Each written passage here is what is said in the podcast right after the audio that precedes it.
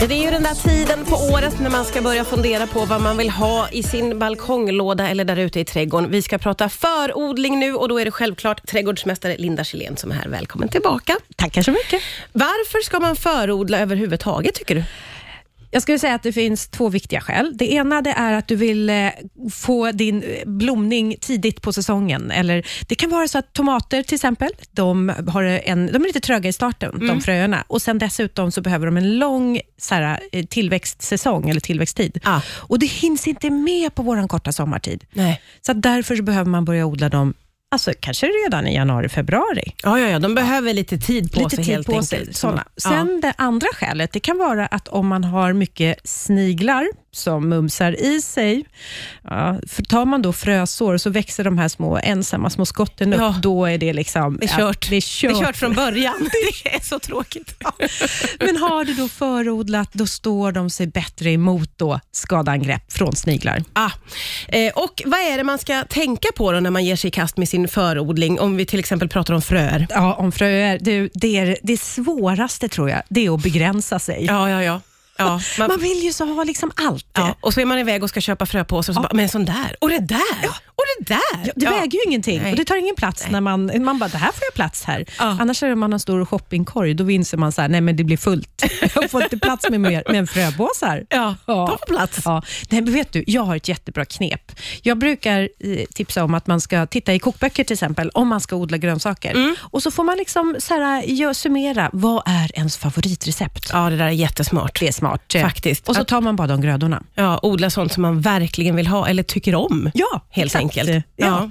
Ja. Ett annat sätt det tycker jag också, så här, satsa bara på sommarblommor eh, om man inte är så riktigt så hardcore-odlare. Eh, eller gröns, ett år, jag ska säga ettåriga sommarblommor eller grönsaker. Ja, okej. Eh, det är lite knepigare med perenner och fleråriga. Det är lite längre per... Liksom, Ja, de kommer igång. Börja enkelt. Börja enkelt. Ja. det Hur ska jag. vi tänka kring potatis och knölar och den typen av... Ja, eh, det här är också bra att sätta igång och förodla. Man säger så här, blom, blommande knölar till exempel, eh, som dahlior och fresia, gladioler till exempel, de behöver ungefär fyra veckor på sig innan de kan planteras ut i förodling. Och potatis, de kan behöva ungefär eh, kanske sex veckor innan Ja. man ska plantera ut dem. Så då förodlar man dem också inomhus. Ja, just det. Mm.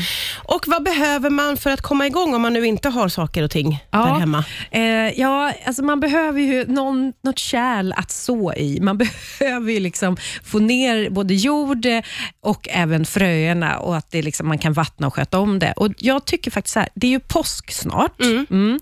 Vi äter mycket ägg kanske. Spara både äggkartong och eh, äggskalen och sen så kan man fylla dem med lite såjord och sen så sår man fröerna där i och så sätter man då de här äggen, halva då med äggskalen, i tillbaks i äggkartongen. Så har man liksom en egen liten förodlingskit. där. Åh, det där är också så otroligt fint. I mitt huvud ser jag framför mig Ja. hur gulligt det är. eller och att man inte behöver iväg och köpa såna här dyra som man kan handla Nej. på liksom alla möjliga ställen. Nej. Är du nybörjare så tycker jag att man börjar lite så här smått och testar det fram. Eh, ta, gör lite hål i skalet där under till, för då går det bara att lyfta ut hela skalet och plantera ut det, så kommer rötterna ta sig ut där under. Älskar smarta tips. Eh, och vad är, vad är det viktigaste då för att de här fröna som vi har köpt alldeles för många av ska kunna gro ordentligt? Ja, alltså när det gäller grobarheten, då vill jag ge ett litet tips. Och det är, eh, Titta på fröpåsen. Där står det oftast hur många procent eh, grobarhet de här fröerna har. Det kan stå 65 procent eller 80 procent. Då Ja. vet man att hmm, man kanske behöver så, eller sätta ner lite extra fröer i den där lilla krukan. Jag brukar säga så här, alltid ett extra frö. Jag brukar likna dem lite som flygplansmotorer. Vet du. Jaha. Ja, jag menar, vet, när man befinner sig sådär 10 me- 000 meter upp i luften, så slutar den ena motorn att fungera. Då man, usch. Nej, det vill man ju inte. Usch. Nej, helst inte. Nej, helst inte. Men då är man ju himla tacksam om man har en i reserv. Ja. ja, det är väldigt smart också. smart. Ta, stoppa ner några fler fröer Ja, precis. än vad man hade tänkt. Ja, och så kan man ju bara rensa bort dem. Det är så att ja, men jag rensar bort den, den klenaste utav de två.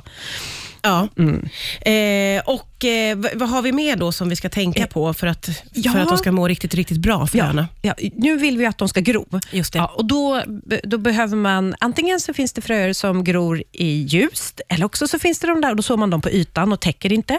Eller så finns det fröer som vill gro mörkt och då får man pilla ner dem lite, lite under jorden. Ja, just det. Eh, Sen behöver de ställas varmt. De allra flesta fröer behöver stå lite varmt för att eh, komma igång med liksom, eh, öppnas upp och bilda den här lilla grodden. Just det. Mm.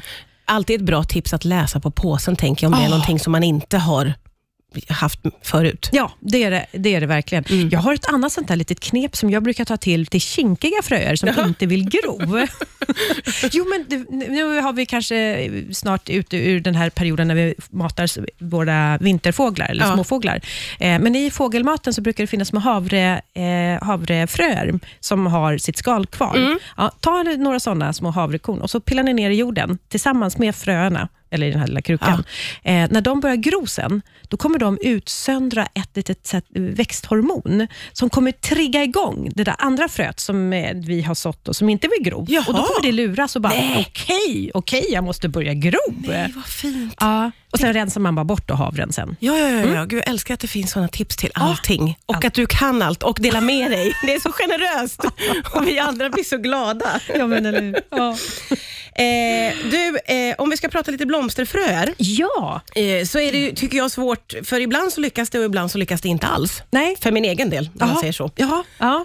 Har du luskat ut vad det är för skillnader? Jag kan inte säga att jag har koll på det, Linda.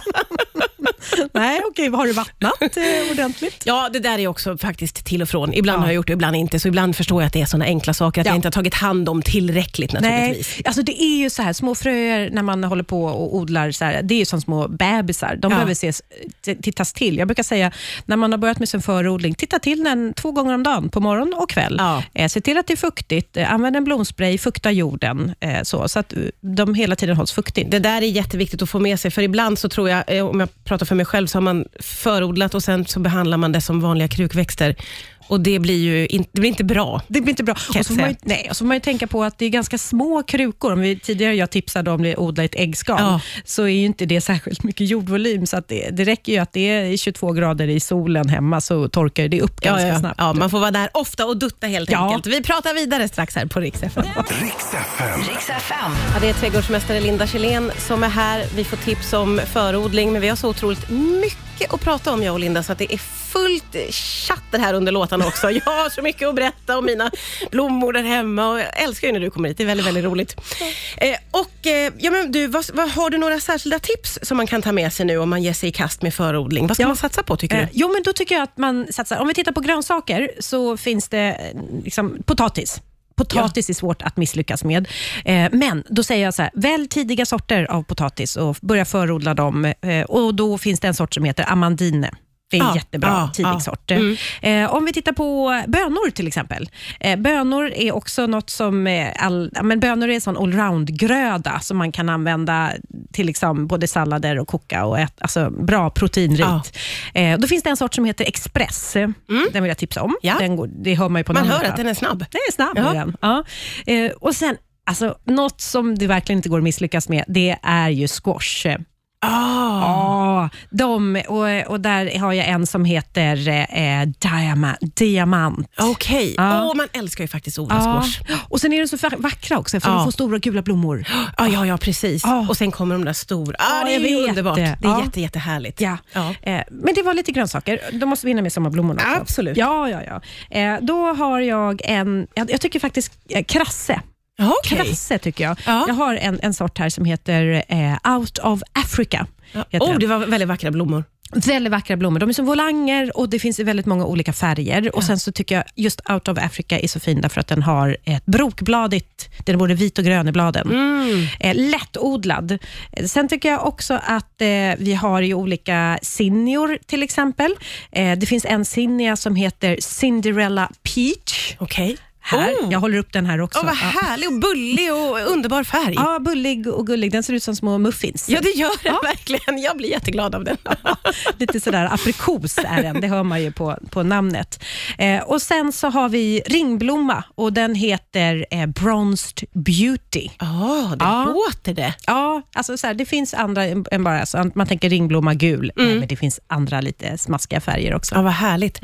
Men du, eh, hur vet man när man ska sätta ut allt det här som man har förodlat? Då? Ja, eh, för det första så behöver man kanske plantera om dem efter eh, när man liksom har kommit upp och bildat sina första så karaktärsblad, kallar man det för. Okej. Ja, först får de hjärtblad och sen får de karaktärsblad. Det är de bladen de har resten av sitt liv, Mm. alltså som de ser ut. Då är det dags att plantera om.